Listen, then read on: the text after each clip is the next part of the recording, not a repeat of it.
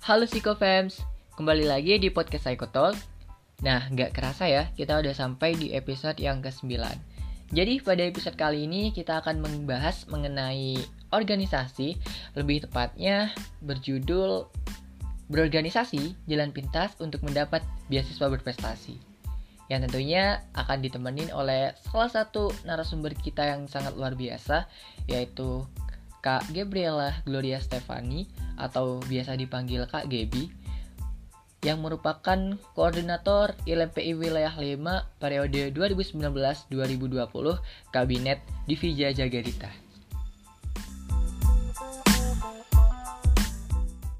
Halo Kak Gebi. Halo Alfian. Oke, mungkin Hai teman-teman semua. kita bisa kenalan dulu ya Kak ya. Uh, mungkin Kak Gebi bisa menyapa uh, pendengar kita nih. Boleh. Um, halo teman-teman semua, pendengar Psychotalk ILMP Wilayah 5. Uh, perkenalkan nama aku Gabriela Gloria Stefani, tapi teman-teman biasanya manggil Gebi. Aku alumni dari Psikologi Universitas Brawijaya. Salam kenal semuanya. Oke, terima kasih Kak. Jadi uh, Kak Gebi ini merupakan koordinator LMPI Wilayah 5 uh, periode 2019-2020 Kabinet Graitas Kabinet Divija Jagadita Psikofems. Bener ya Kak Gebi ya? Iya, betul sekali. Oke, Kabinet wah, yang nih. isinya serikat semua. mantap, mantap. Oke, mungkin uh, kan Kak Gebi ini merupakan koordinator LMP ini, wilayah 5. Nah, mungkin bisa sharing-sharing dan cerita-cerita dikit sih Kak dari pengalaman Kak Gebi uh, sejak bergabung di LMP itu gimana sih rasanya, suka dukanya dan dan lain sebagainya gitu Kak. Iya, wow cerita pengalaman ILMP itu nggak ada habisnya ya. Karena um, kalau dilihat dari pengalaman aku di LMPI itu sudah dari sejak hmm, semester 1 kali ya. Jadi benar-benar sejak maba uh, aku ikut waktu itu acara pertama ILMPI adalah musyawarah wilayah di uh, Stain Kediri. Dulu masih Stain Kediri, sekarang sudah IAIN. Oh iya iya benar. Jadi iya, dulu aku pertama kali ikut acara uh, di musyawarah wilayah itu. Uh, hmm. Lalu di situ itu kan acaranya bulan bulan Januari atau Februari kalau nggak salah ya. Jadi peralihan dari dari semester 1 ke semester 2. Hmm. Itu acara pertama yang ikuti, terus setelah itu mendaftar sebagai pengurus dan sisanya sejarah karena sampai aku lulus kuliah pun ternyata periodeku kan belum selesai di ILMPI ya uh.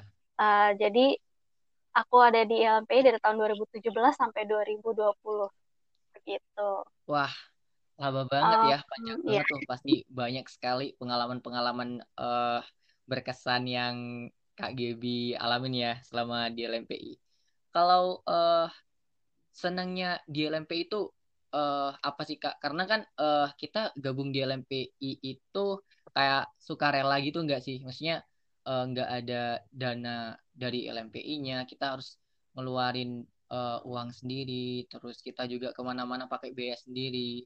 Nah, itu kenapa sih kak Gaby tuh masih kayak, uh, wah kayaknya aku seneng nih gitu. Apa sih kak yang motivasi terbesar kakak gitu buat join LMPI?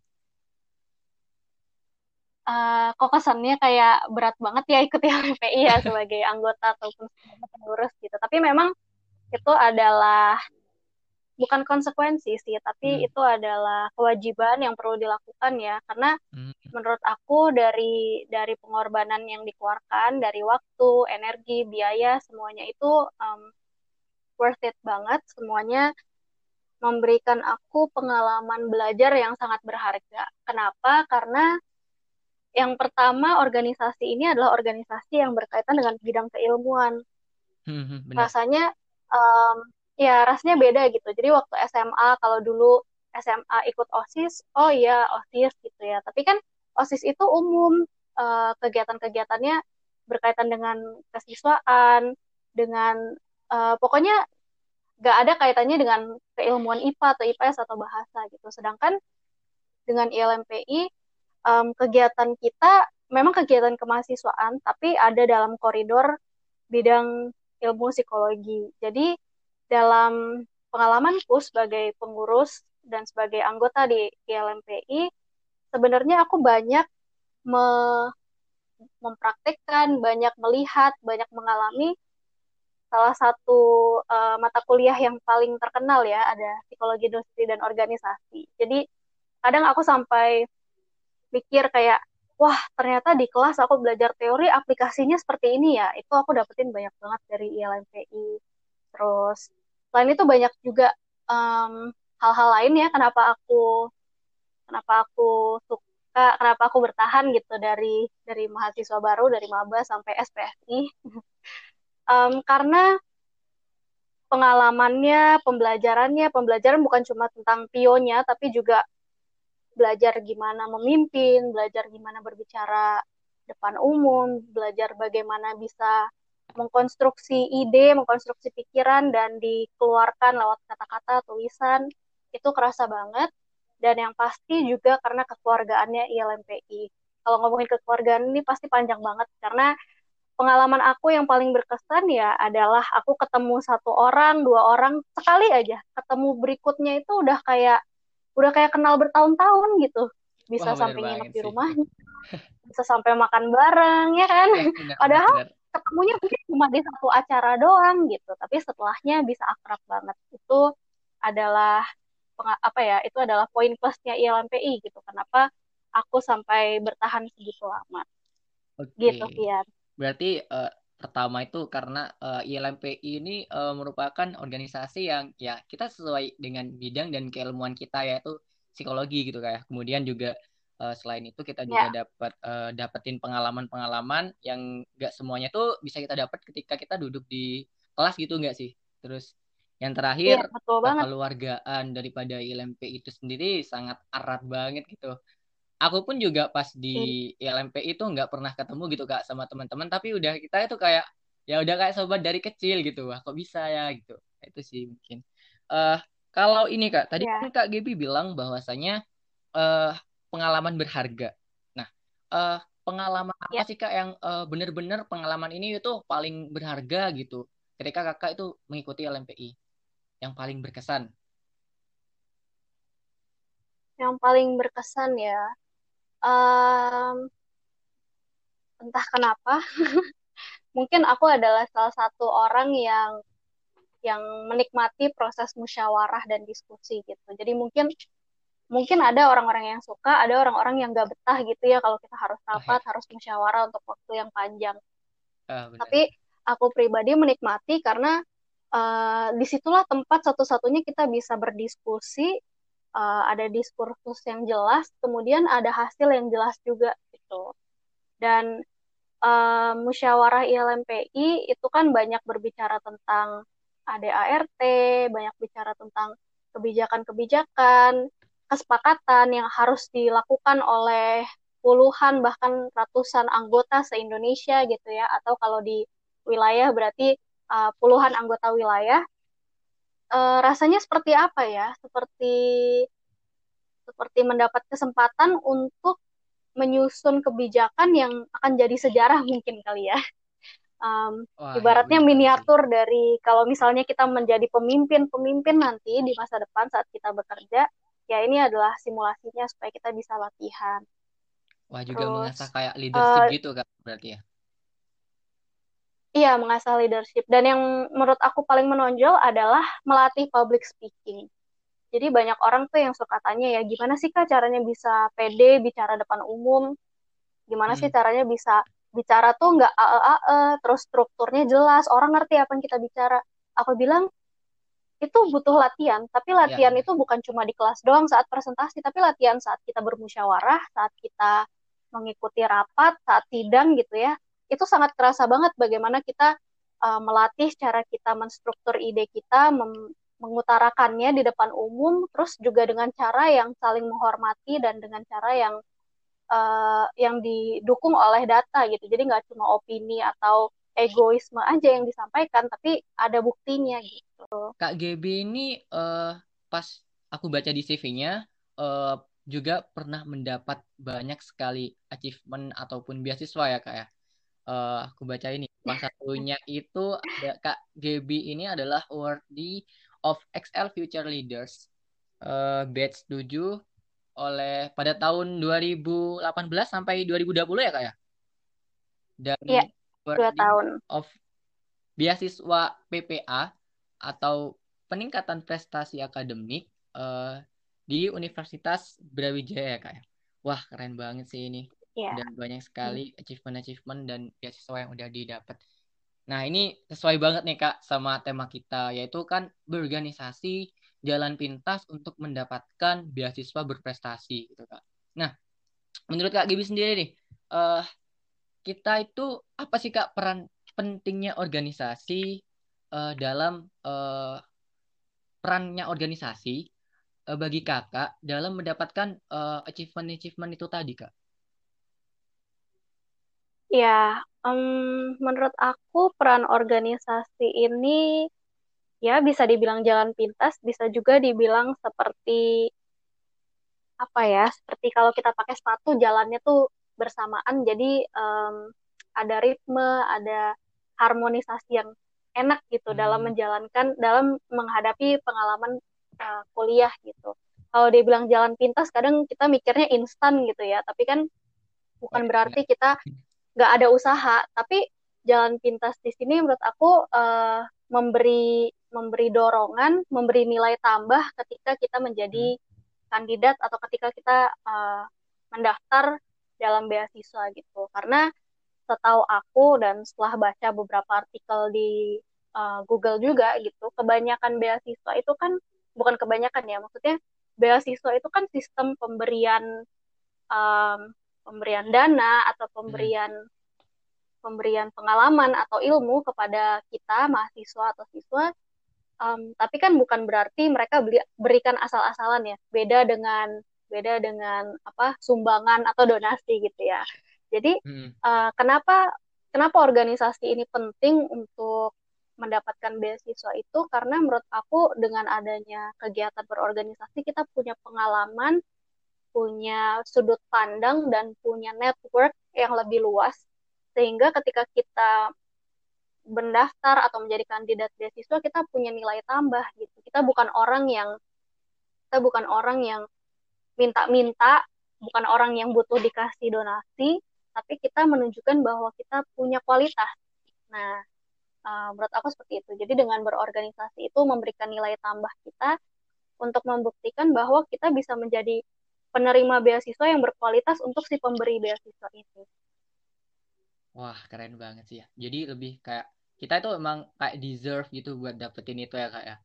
Nah, kalau kita berbicara yeah. soal beasiswa, kan uh, beasiswa itu udah banyak banget nggak sih kak uh, di Indonesia ini kayak ada beasiswa bidik misi, ada beasiswa uh, kalau sekarang itu ada apa ya kartu Indonesia Pintar kalau nggak salah sih. Terus ada yeah. Iya. kalau uh, beasiswa berprestasi itu uh, apa aja sih kak uh, jenis-jenisnya itu? Contoh-contoh di kampusnya kakak yang dulu Universitas Brawijaya itu uh, apa aja sih kak beasiswa-beasiswanya gitu? Oke, okay. um, ini poin yang penting ya, Vian ya, bener banget uh, kita harus aware dengan jenis-jenis beasiswa, dengan begitu banyak beasiswa, beasiswa apa sih yang harus kita cari atau yang perlu kita prioritaskan gitu, karena nggak um, ada salahnya untuk mencoba daftar ke beasiswa sebanyak-banyaknya, tapi kita juga perlu perlu smart gitu. Kita perlu smart dan hmm. melihat apakah kita sesuai dengan biasanya visi misi atau tujuan si pemberi beasiswa. Nah, uh, mungkin untuk me membagi ke dalam kategori yang mudah dipahami, beasiswa itu ya walaupun tadi aku bilang beasiswa itu bukan donasi ya, tapi ya, memang ya, ada beasiswa beasiswa untuk uh, membantu uh, untuk mahasiswa yang kurang mampu itu memang ada. Tapi kan biasanya hmm. ada persyaratannya dan juga ada verifikasi ya. ya verifikasi ke misalnya penghasilan orang tua, orang tua dan sebagainya. Nah, gaji juga. Iya. Iya, betul banget. Makanya makanya bukan asal-asalan tapi memang berarti kita pantas kita mendapatkan uh, sesuai haknya kita gitu. Nah, hmm. Nah, jadi yang pertama mungkin memang ada beasiswa yang uh, sifatnya bantuan pendidikan. Hmm. Lalu ada beasiswa yang sifatnya prestasi seperti beasiswa PPA, kemudian uh, aku lupa ya namanya, kayaknya beasiswa Indonesia kalau nggak salah ya. Itu juga dari pemerintahan kayaknya um, kebanyakan itu dia melihat dari prestasi. Jadi kalau PPA um, di Universitas Brawijaya yang aku tahu beasiswa PPA soalnya untuk prestasi. yeah, yang aku tahu memang dia iya, memang dia syaratnya itu ada syarat IPK benar, jadi ada syarat hmm. uh, minimal IPK-nya harus berapa.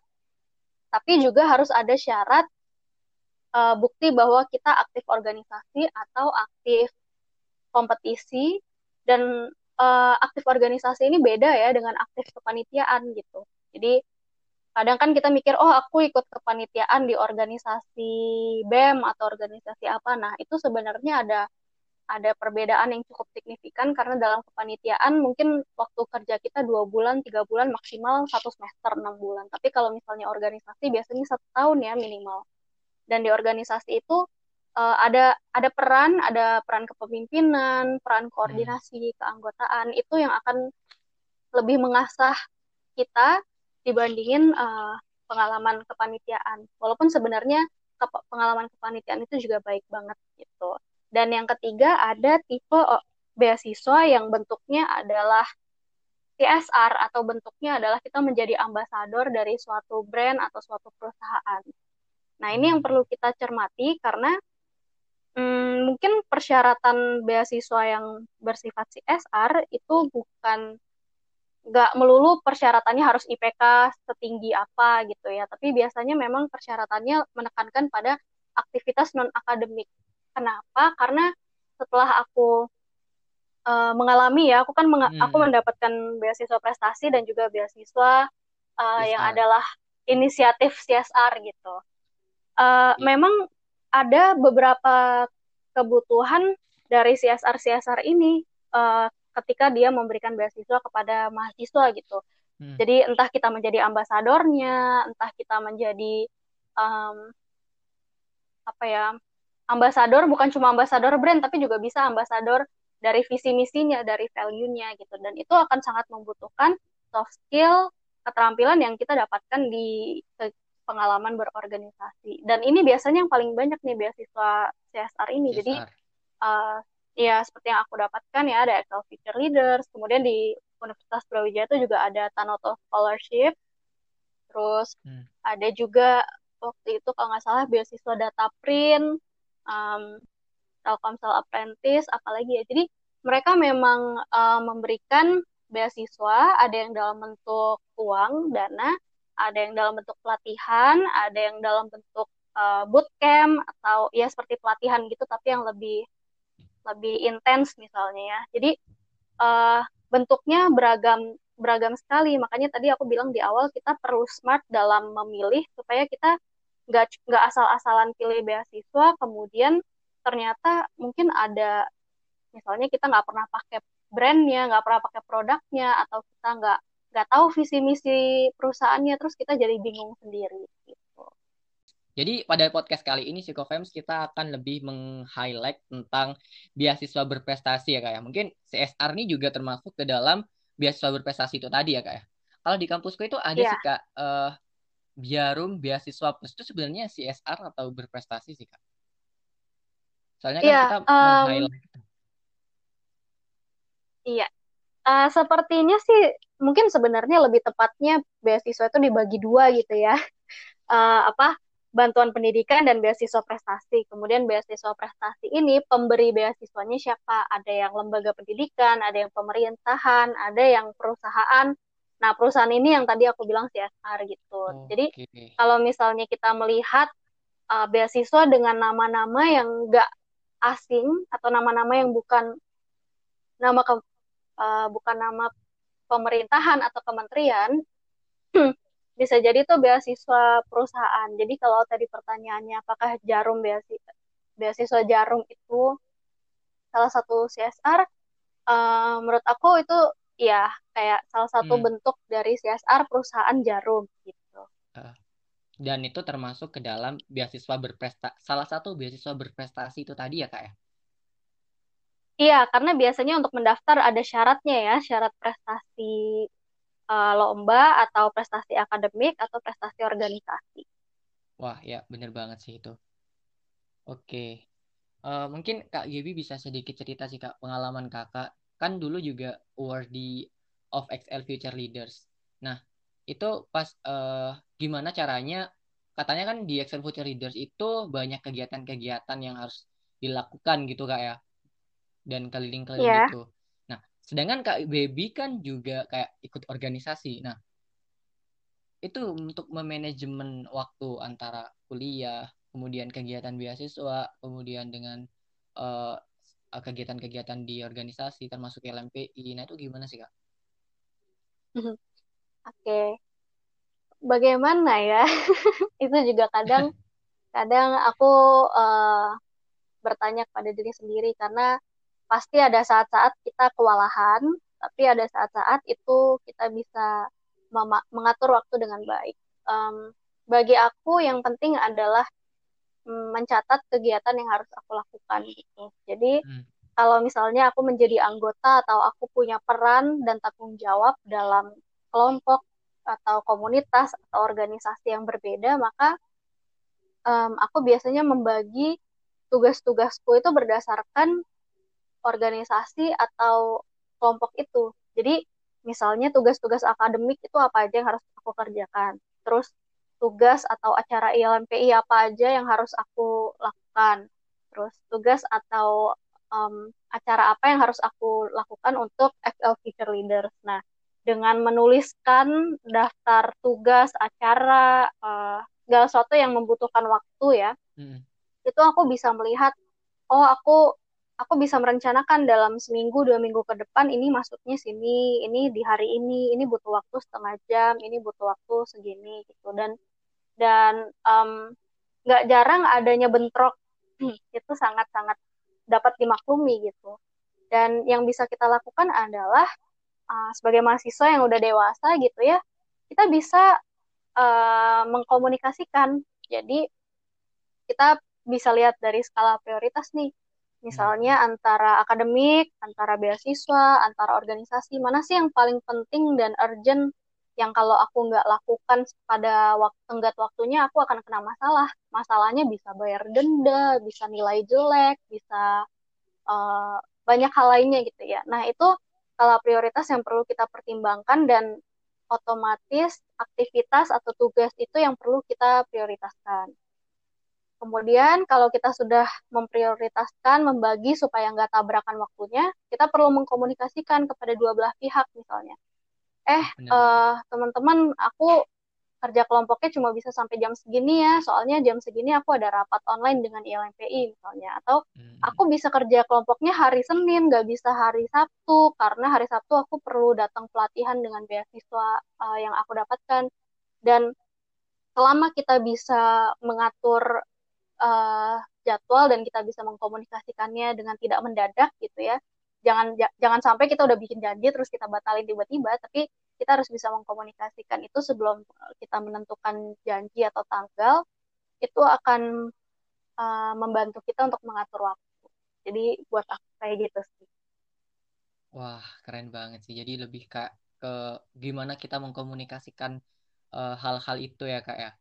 Dan kembali lagi yeah. tuh uh, pada skill komunikasi interpersonal kita akan mengasah kemampuan kita mungkin pernyataan tadi itu bisa men sedikit menjawab kegalauan-kegalauan teman-teman psikofems nih kak.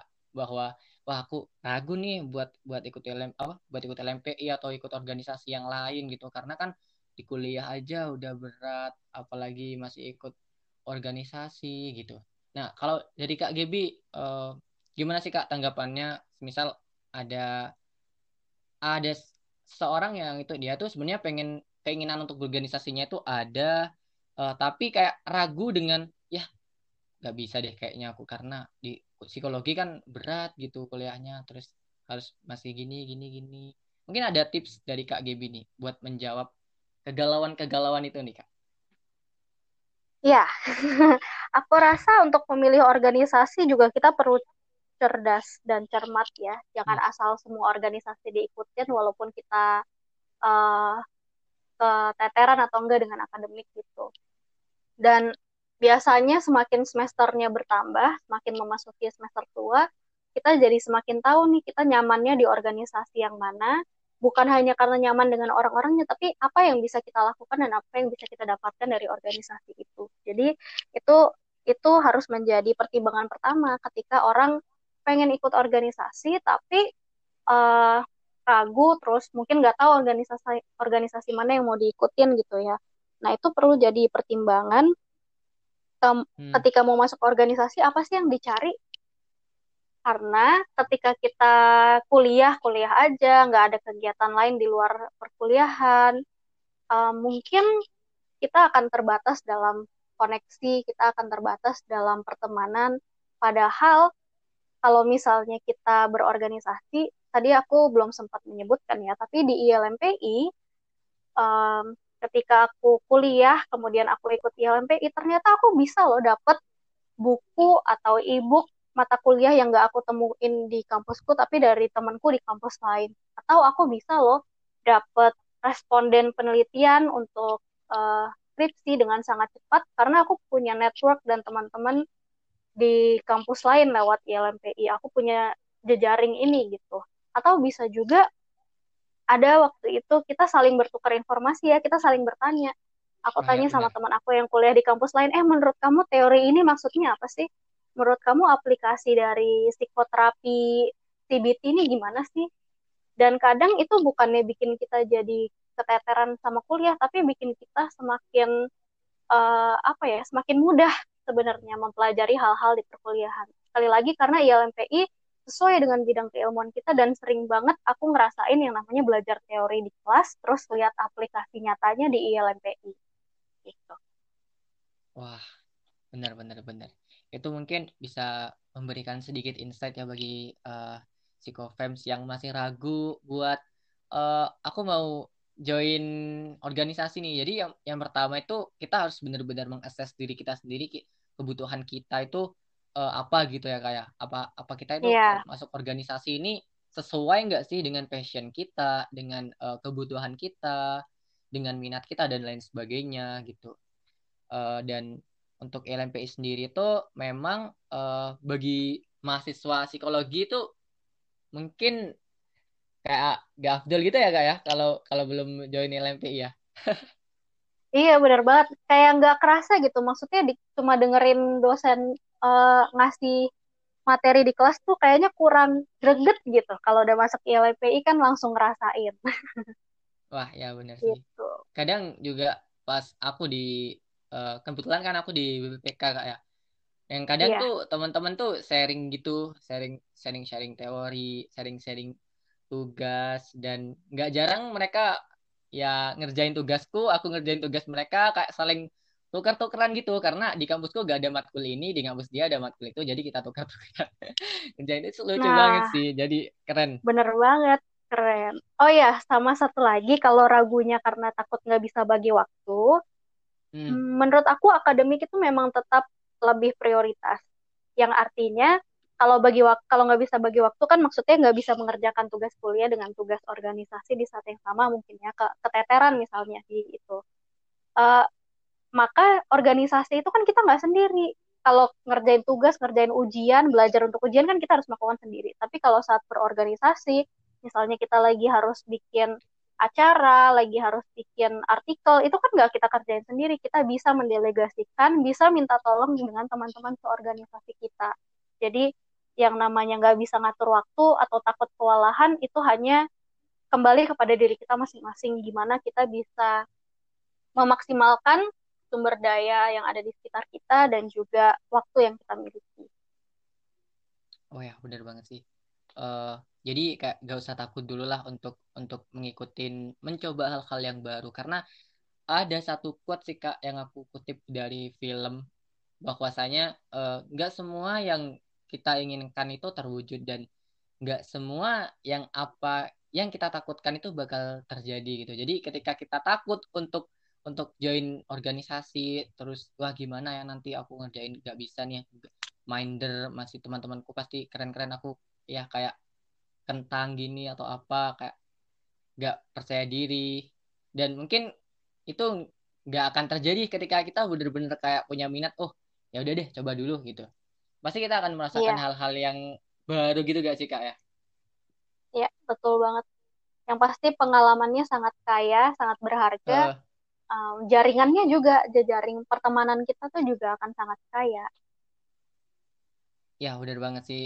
Karena aku sendiri tuh juga ngerasain sih kak berhubung uh, kalau kita hubungkan sama tema kita malam ini ya bahwa uh, berorganisasi jalan pintas untuk mendapat beasiswa berprestasi. Kalau dari aku pribadi itu uh, juga ILMPI sangat berperan besar sih kak bagi aku kan sebagai penerima beasiswa berprestasi di kampus itu aku juga uh-huh. uh, ngasihin SK-nya ILMPI kemudian pas waktu wawancara beasiswa itu juga ditanya apa sih uh, kamu ikut organisasi apa? Gitu. Terus kamu ngapain aja di organisasi itu? Gitu. Terus apa yang kamu lakukan? Dampaknya kamu apa? Terus gini gini gini. Jadi menurutku memang uh, ya organisasi itu merupakan salah satu itu sih kak jalan pintas atau salah satu yeah. apa ya yang bikin kita bisa gitu sih kak. Kalau menurut kak benar sih jalan pintas juga. Benar-benar aku setuju. Uh, dalam konteks jalan pintas ini sekali lagi bukan berarti instan tanpa usaha tapi jalan pintas yang nah, artinya ya, benar, benar. kamu bisa mendapatkan soft skillmu kamu bisa melatih keterampilanmu di saat yang sama kamu sedang belajar di kuliah gitu. Dan bahkan bukan hanya jalan pintas untuk mendapatkan beasiswa berprestasi tapi berorganisasi juga jalan pintas untuk mendapatkan uh, pekerjaan, jalan pintas untuk perkembangan karir. Karena benar banget pertanyaan seleksi beasiswa kan biasanya nanya kamu ngapain hmm. di di organisasi? Kita nggak cuma nanya jabatan kita uh, beasiswa ya, itu nggak cuma nanya jabatan nggak cuma nanya periode kamu berapa lama tapi pertanyaannya kamu ngapain? Perubahan apa yang kamu buat? Kontribusi apa yang kamu berikan? Dan sebenarnya itu adalah pertanyaan yang sama yang akan ditanyakan kalau kita melamar kerja. Jadi dampaknya dari ikut berorganisasi itu nggak cuma untuk beasiswa berprestasi, tapi menurut aku lebih panjang lagi sampai nanti kita uh, waktunya mencari kerja gitu. Wah, keren banget sih, sangat mem yeah. memberikan insight bagi Ternyata kita semua. Sepowerful itu ya pengalaman organisasi. ya sih kak karena kalau mungkin kita kalau mau bahas uh, secara detail ya mungkin semalaman pun kita nggak akan selesai ya kak ya buat nge ngebincangin apa sih dampak ini gini dampaknya organisasi bagi wah tuh nggak mungkin bisa di selesai diceritain semalam. Karena saking banyaknya gitu. Betul betul banget. Ya kalau kita kembalikan lagi ke organisasi sebenarnya organisasi juga punya dampak ya kak ya. Iya. Misal uh, join LMPI nih di BPK. Nah, BPK itu kan uh, kerjaannya tuh mereka tuh iseng apa sih kalau bilang nyari-nyari isu-isu yang sebenarnya apa sih gitu. Kita dituntut buat nyari isu-isu yang uh, apa ya yang lagi bagus buat diangkat, buat kita kaji, buat kita gitu dan itu secara nggak langsung kayak langsung memberikan insight kepada kita ketika kita mau bikin karya ilmiah atau ketika kita mau ikut uh, kompetisi menulis gitu ya kak ya Iya, betul banget. Bahkan okay. dengan ikut berorganisasi kan berarti kita harus memilih divisi ya. Ketika kita memilih divisi uh. itu kan ada ada proses kita memahami, mengenali diri sendiri, aku nih minatnya apa dan mampunya apa sih. Apakah aku minatnya di keilmuan dan aku mampu melakukan riset, makanya aku masuk BPPK, atau aku minat dalam pengabdian masyarakat, terus aku aku suka yang namanya mengajar, bermain sama anak kecil, makanya aku ikut BPPM, atau aku minat di desain, minat di mengatur keuangan pun ada kan uh, posisinya di ILMPI. Jadi lebih dari sekadar memberikan soft skill, membantu kita mengenal kemampuan dan minat diri kita sendiri. Ya. Hmm, wah, ya banyak banget sih ada yang mau mengasah kemampuan sekretariat surat menyurat ada bansek, kemudian iya yang mau berjiwa entrepreneur ada bantu, bantu mau pinter desain desain dan uh, mau jadi sosialita itu ada Baninfo yang selalu ngeser-ngeser kemudian ada BPP yang pengen belajar banyak tentang organisasi ada BPO ya, betul banget. Kalau ingin menjadi pengabdian masyarakat itu ada BPPM dan kalau mau mengkaji banyak-banyak uh, isu atau teori-teori itu ada BPPK. Wah, pokoknya udah kompleks banget ya, iya, ya kak. Udah lengkap banget ya Jadi, dengan ILMPI. ya, nggak usah ragu lagi sih ya kak Gap ya iya. buat bahkan kalau ada kesempatan. Iya, bahkan gini ya, kalau di ILMPI pun uh, ada satu cara tadi ya supaya kita masuk divisi yang sesuai dengan minat dan kemampuan. Tapi ada juga jalur kita hmm. masuk ke divisi yang tidak sesuai uh, minat atau kemampuan saat ini, tapi karena kita tertarik atau kita ah iseng pengen coba terus ketika bagi menjadi bagian dari divisi itu belajar hal baru akhirnya menjadi minat dan kemampuan tambahan. Itu bisa banget karena bukan berarti masuk ILMPI sebagai pengurus atau sebagai anggota aktif dengan BPPK aja atau BPPM aja atau Baninfo aja enggak. Ada saat-saatnya uh, kita bisa berotasi atau berganti berganti divisi dan itu akan memperkaya kemampuan kita, memperkaya minat kita. Dan uh, Baninfo juga itu salah satu salah satu apa divisi yang cukup penting dan sebenarnya kalau dilihat dari prospek kerja itu sangat ini loh, sangat strategis karena hmm, hmm, bukan cuma desain dan sosialita, tapi Baninfo kan juga uh, mengatur kerjasama, partnership, media partner, terus uh, marketing di online itu kan semua pekerjaan-pekerjaan yang lagi banyak dibutuhkan. Jadi dengan pengalaman di ILMPI, di divisi di ILMPI itu akan sangat uh, memperkaya dan mempersiapkan kita untuk nanti masuk ke dunia kerja. Ini nggak nggak promosi badan loh ya, nggak promosi Baninfo atau atau BPPK atau BPO atau BPPM dan sebagainya, tapi hmm. intinya um, semua pengalaman itu bisa didapatkan lewat ILMPI dan kalau misalnya salah kan nggak bakal dipecat atau potong gaji gitu. Ah, ya benar sih. Uh, mungkin teman-teman di kampusnya pernah dapat uh, mata kuliah kewirausahaan atau entrepreneurship itu juga kita bakal dilatih lebih dalam lagi di BanQ gimana caranya kita marketing, gimana kita caranya uh, ngejualin atau berkreasi buat barang-barang baru gitu iya, ya. Iya, betul banget. Jadi emang uh, bener-bener tempat aplikasi selain, ya, bukan teori lagi. Iya. Jadi sesuai dengan tema kita malam ini tuh sebenarnya banyak banget ya kayak uh, peran dari organisasi sendiri. Iya wah mungkin karena keterbatasan waktu jadi wah terpaksa banget nih kak sebenarnya menarik banget pembahasan kita malam di podcast kali ini ya kak ya. Uh, mungkin terakhir itu mungkin ada pesan-pesan nih dari kak Gebi buat teman-teman maba yang baru ragu atau ingin join organisasi. Agak apa sih kak tipsnya gitu? Atau quotes quotes gitu? Iya apa ya um, pesan aku untuk teman-teman maba atau teman-teman yang bukan maba sebenarnya tidak ada waktu untuk terla tidak ada kata terlambat atau terlalu cepat untuk ikut organisasi. Uh, bagi aku ikut aja organisasi-organisasi di sekitar teman-teman. Kalau bisa ILMPI itu akan sangat baik dan maksimalkan waktu yang ada di sana bukan hanya sekedar ikut dan punya nama, bukan hanya sekedar jadi anggota atau jadi pengurus dan gak ngapa-ngapain tapi ikut berkontribusi ikut melakukan uh, hal ikut memberikan hal-hal yang berdampak karena ketika nanti teman-teman selesai dari organisasi itu teman-teman akan meninggalkan warisan-warisan yang teman-teman lakukan. Dan ketika teman-teman masuk dunia kerja atau masuk untuk seleksi beasiswa yang akan ditanya adalah apa yang sudah teman-teman lakukan? Kontribusi apa yang sudah diberikan? Jadi memang benar bahwa berorganisasi itu bisa menjadi jalan pintas untuk uh, mendapatkan beasiswa berprestasi, untuk mendapatkan pekerjaan-pekerjaan terbaik. Tapi intinya adalah eh, teman-teman harus mau mengambil langkah untuk masuk dan terlibat